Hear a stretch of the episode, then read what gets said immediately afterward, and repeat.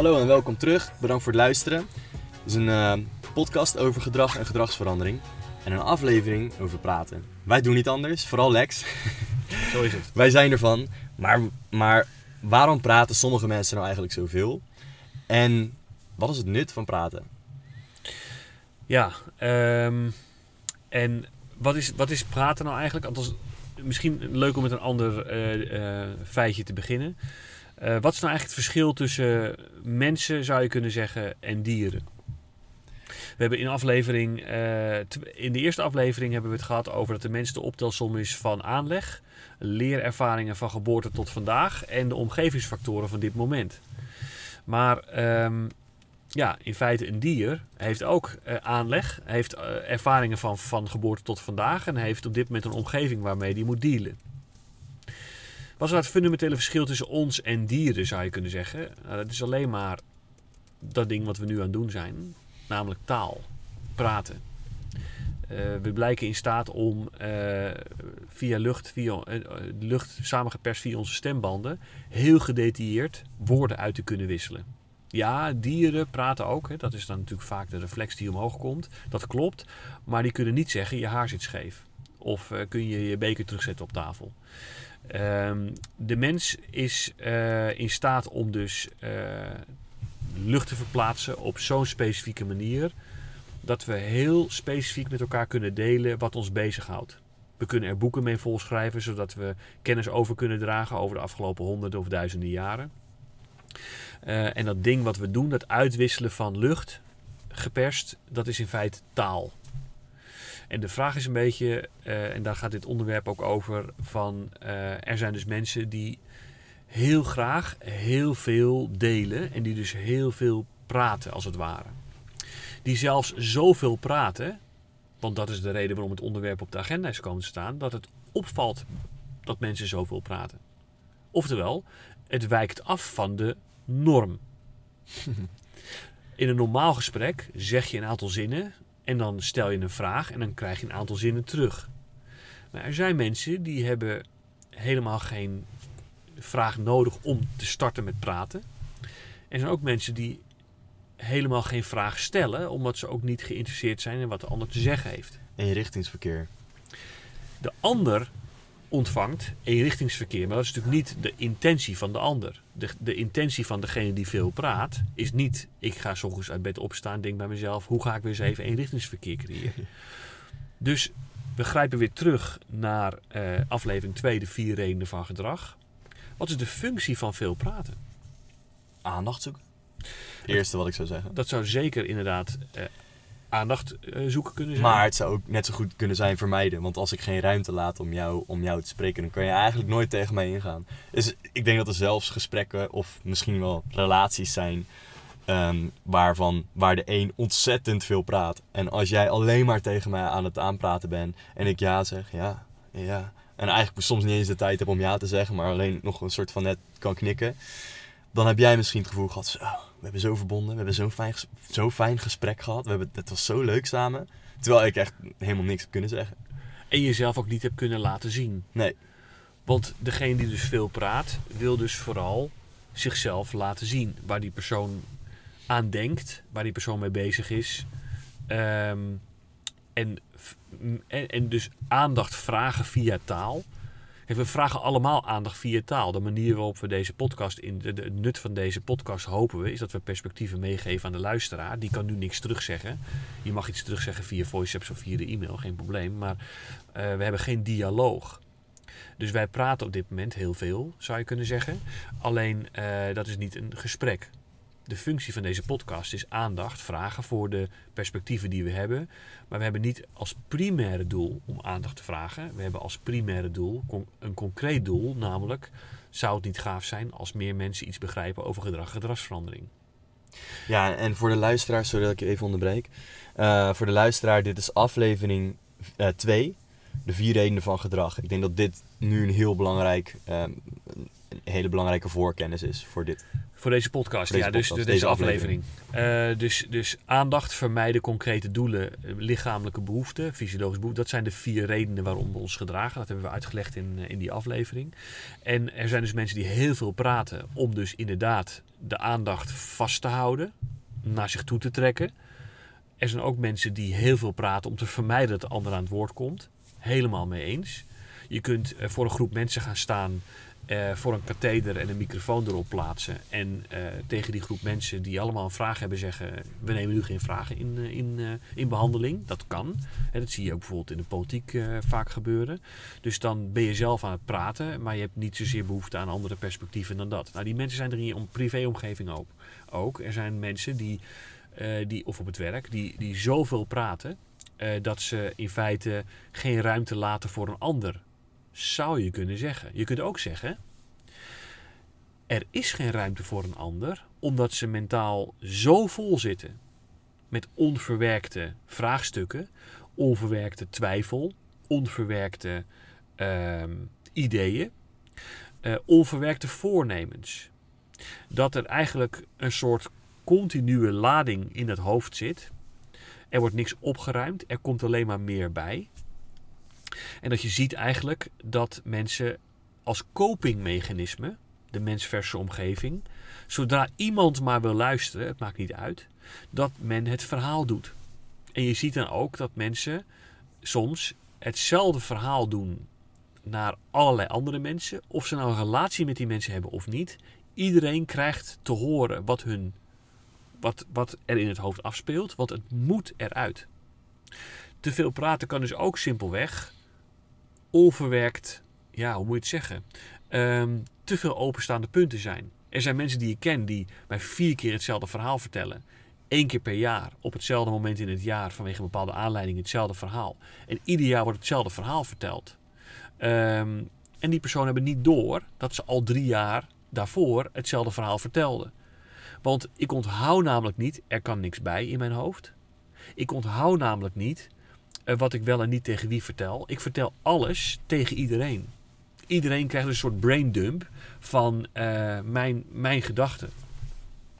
En jij moet daar proberen, vanuit de V van vertrouwen, met de V van verbinding, proberen chocola van te maken.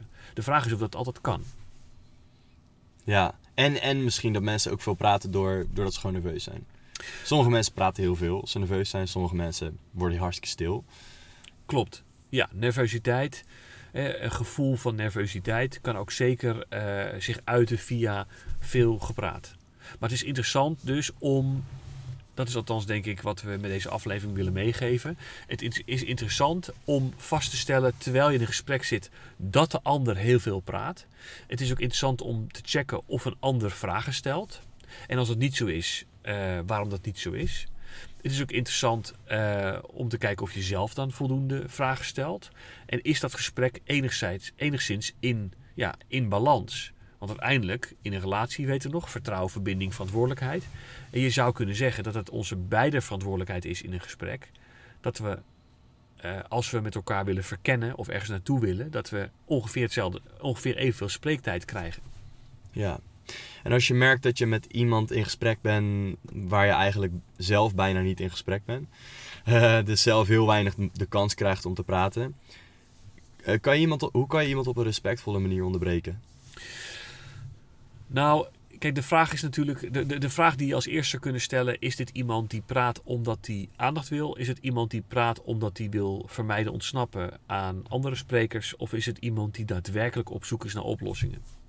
Ja. Dat zijn drie totaal verschillende dingen. Eh, het heeft niet zo heel veel nut om iemand die eigenlijk niks wil, anders dan alleen maar lucht verplaatsen en de zorgen uiten en de problematiek recyclen.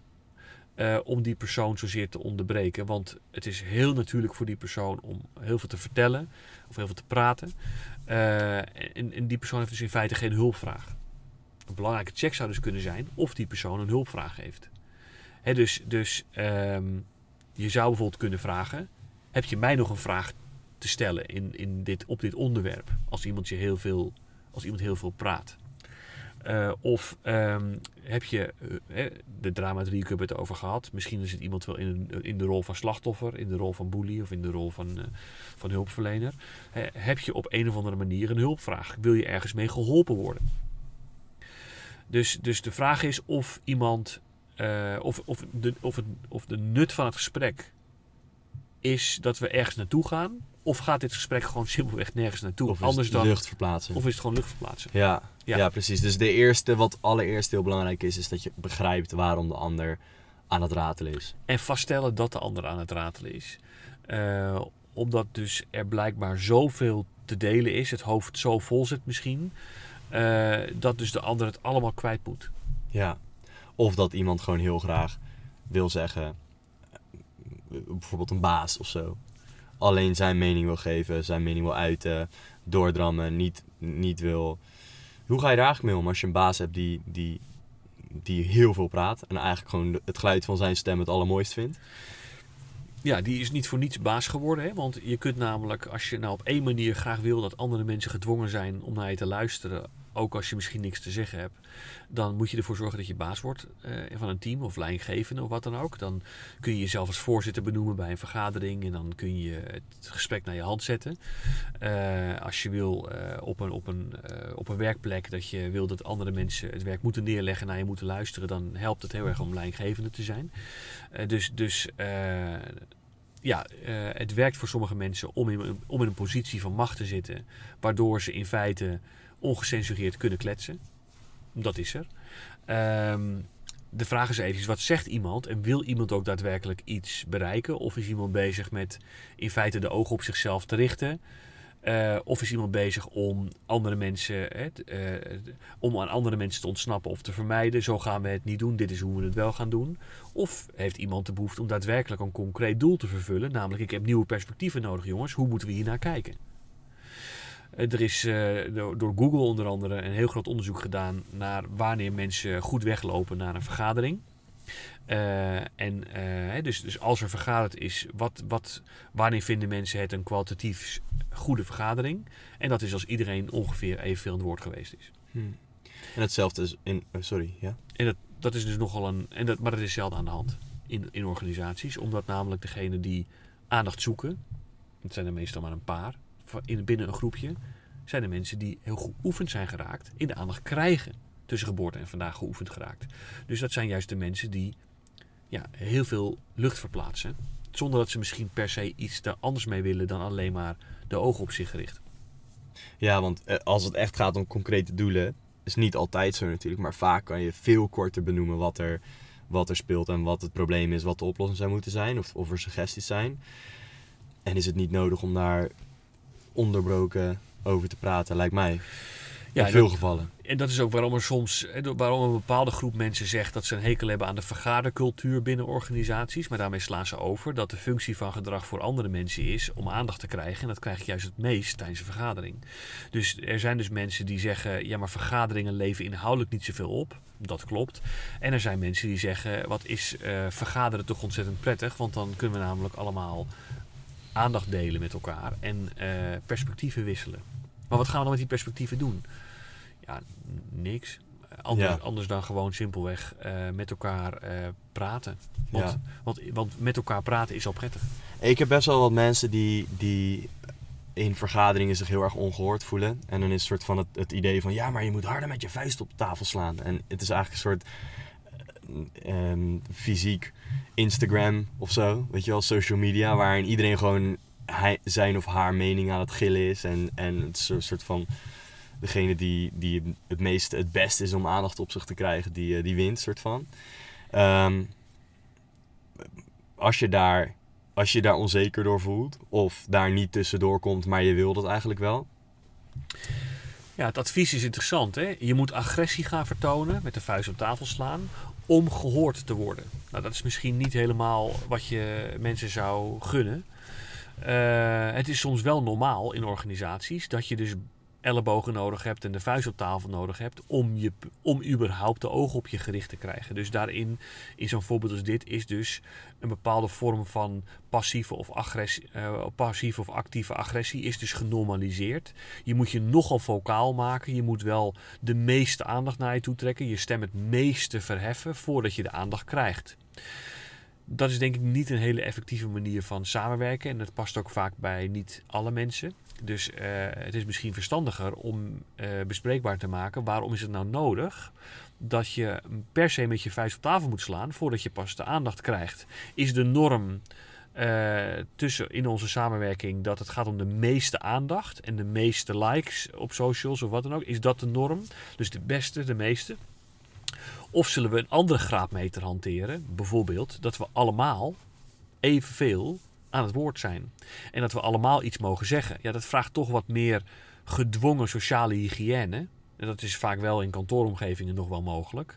Maar zodra je bij uh, praktisch opgeleide beroepen gaat kijken op werkplaatsen en dat soort dingen, is het veel ingewikkelder. Want daar is de formele setting van een stille ruimte waarin je de tijd hebt om het gesprek te regisseren. Want je moet dus opletten dat je het gesprek regisseert om iedereen ongeveer aan het woord te laten. Dat is dus wel noodzakelijk. Doe je dat niet, in de wandelgangen even snel dingen doen. Nee, dan zijn degenen die het meest geoefend zijn uh, in, in, uh, in praten. Dat zijn over het algemeen de, aandacht, de mensen die graag aandacht willen. Dat zijn de mensen die dan vaak aan het woord komen. Ja. Dus, dus wil je met elkaar zorgen dat een gesprek harmonieus en gebalanceerd verloopt, moet je daar dus echt een format voor uh, hebben, omdat dus niet mensen hetzelfde zijn. Er is een groep mensen die wil aandacht, en er is een groep mensen die niks zegt en die wil vermijden ontsnappen, en er is een groep mensen die heeft een concreet doel voor ogen en die wil echt op de inhoud perspectieven delen. Maar die mensen hebben een verschillend vertrekpunt, dus er is niet één format voor uh, uh, ervoor zorgen dat mensen in harmonie met elkaar in gesprek zijn. Uh, geldt dat hetzelfde binnen relaties? Dus één op één? Nou, wat is, in relaties natuurlijk zie je dat um, mensen zich aan elkaar aanpassen. Dus in de verbinding tasten mensen af wat verwacht, wat verwacht de ander van mij en wat, wat wil ik voor mijzelf. En het kan zijn dat het een hele goede match is als iemand de hele dag aan het praten is en de ander het liefst zichzelf niet uit. Dat kan een uitstekende match zijn. De vraag is natuurlijk alleen wel of dat, uh, of dat werkt. Want de een is namelijk aandacht aan het verzamelen en de ander is aan het vermijden. Uh, terwijl je misschien op de inhoudelijke doelstellingen dingen met elkaar te doen hebben die echt wel dialoog vragen en die een 50-50 aandeel vragen in, in een relatie. Een ander belangrijk punt is, is dat als je merkt dat iemand heel veel continu kwijt wil en wil overleggen, dan zou je eens kunnen zeggen dat diegene uh, coping issues heeft om het goed mentaal weggezet te krijgen. Het is, hè, het is misschien de dingen die op die persoon afkomen, even los van wat dat is, is misschien gewoon te veel. Het is misschien te zwaar, er wordt misschien te veel verlangd. Dus iemand die continu probeert het hoofd uit te ruimen, leeg te ruimen door heel veel te praten, daar zou je aan kunnen vragen van ja, gaat het, gaat het voldoende goed met je? In de zin van kom je er wel uit? Want en zeker als mensen dingen beginnen te herhalen, dat ze, dingen, dat ze dezelfde dingen zeggen, misschien op een nieuwe manier verpakt, eh, dan zie je eigenlijk dat mensen misschien wel eerder in een soort geestelijke nood zitten dan dat ze daadwerkelijk inhoudelijke punten aan het maken zijn. Ja, goed punt denk ik. Ik heb hier twee dingen over.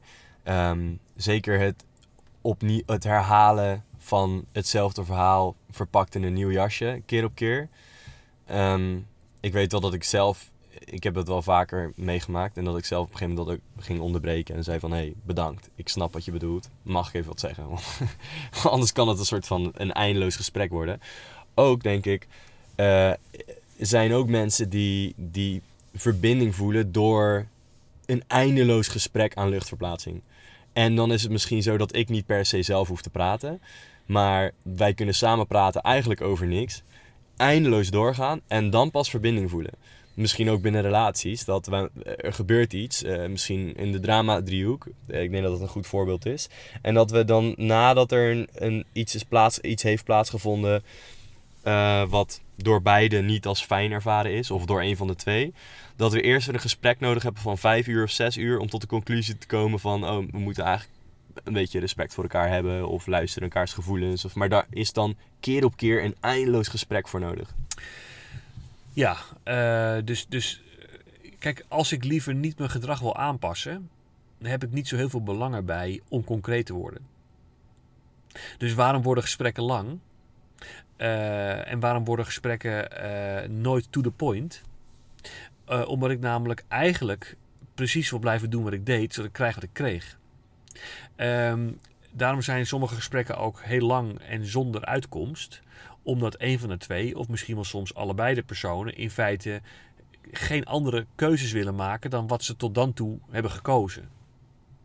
Dus ja, gesprekken kunnen ontzettend lang duren, kunnen eh, alle perspectieven verkennen, maar uiteindelijk eh, gaan we gewoon exact op dezelfde manier door zoals we altijd deden en komen de volgende dag weer dezelfde argumenten terug op een andere manier verpakt. We hebben dus inhoudelijk niks opgelost. Het is dus hartstikke leuk om met elkaar vier uur lang te kletsen over het weer en over alle andere dingen. Dat is geen enkel probleem. En er zijn mensen die dat heel prettig vinden. Het probleem is alleen, of het, het, wordt pas een probleem als er, als er iets concreets moet gebeuren. Als we echt moeten gaan samenwerken, als er inhoudelijk iets gecreëerd moet worden, ja, dan hebben we aan vier uur lucht verplaatsen zonder uitkomst geen, daar hebben we niks aan.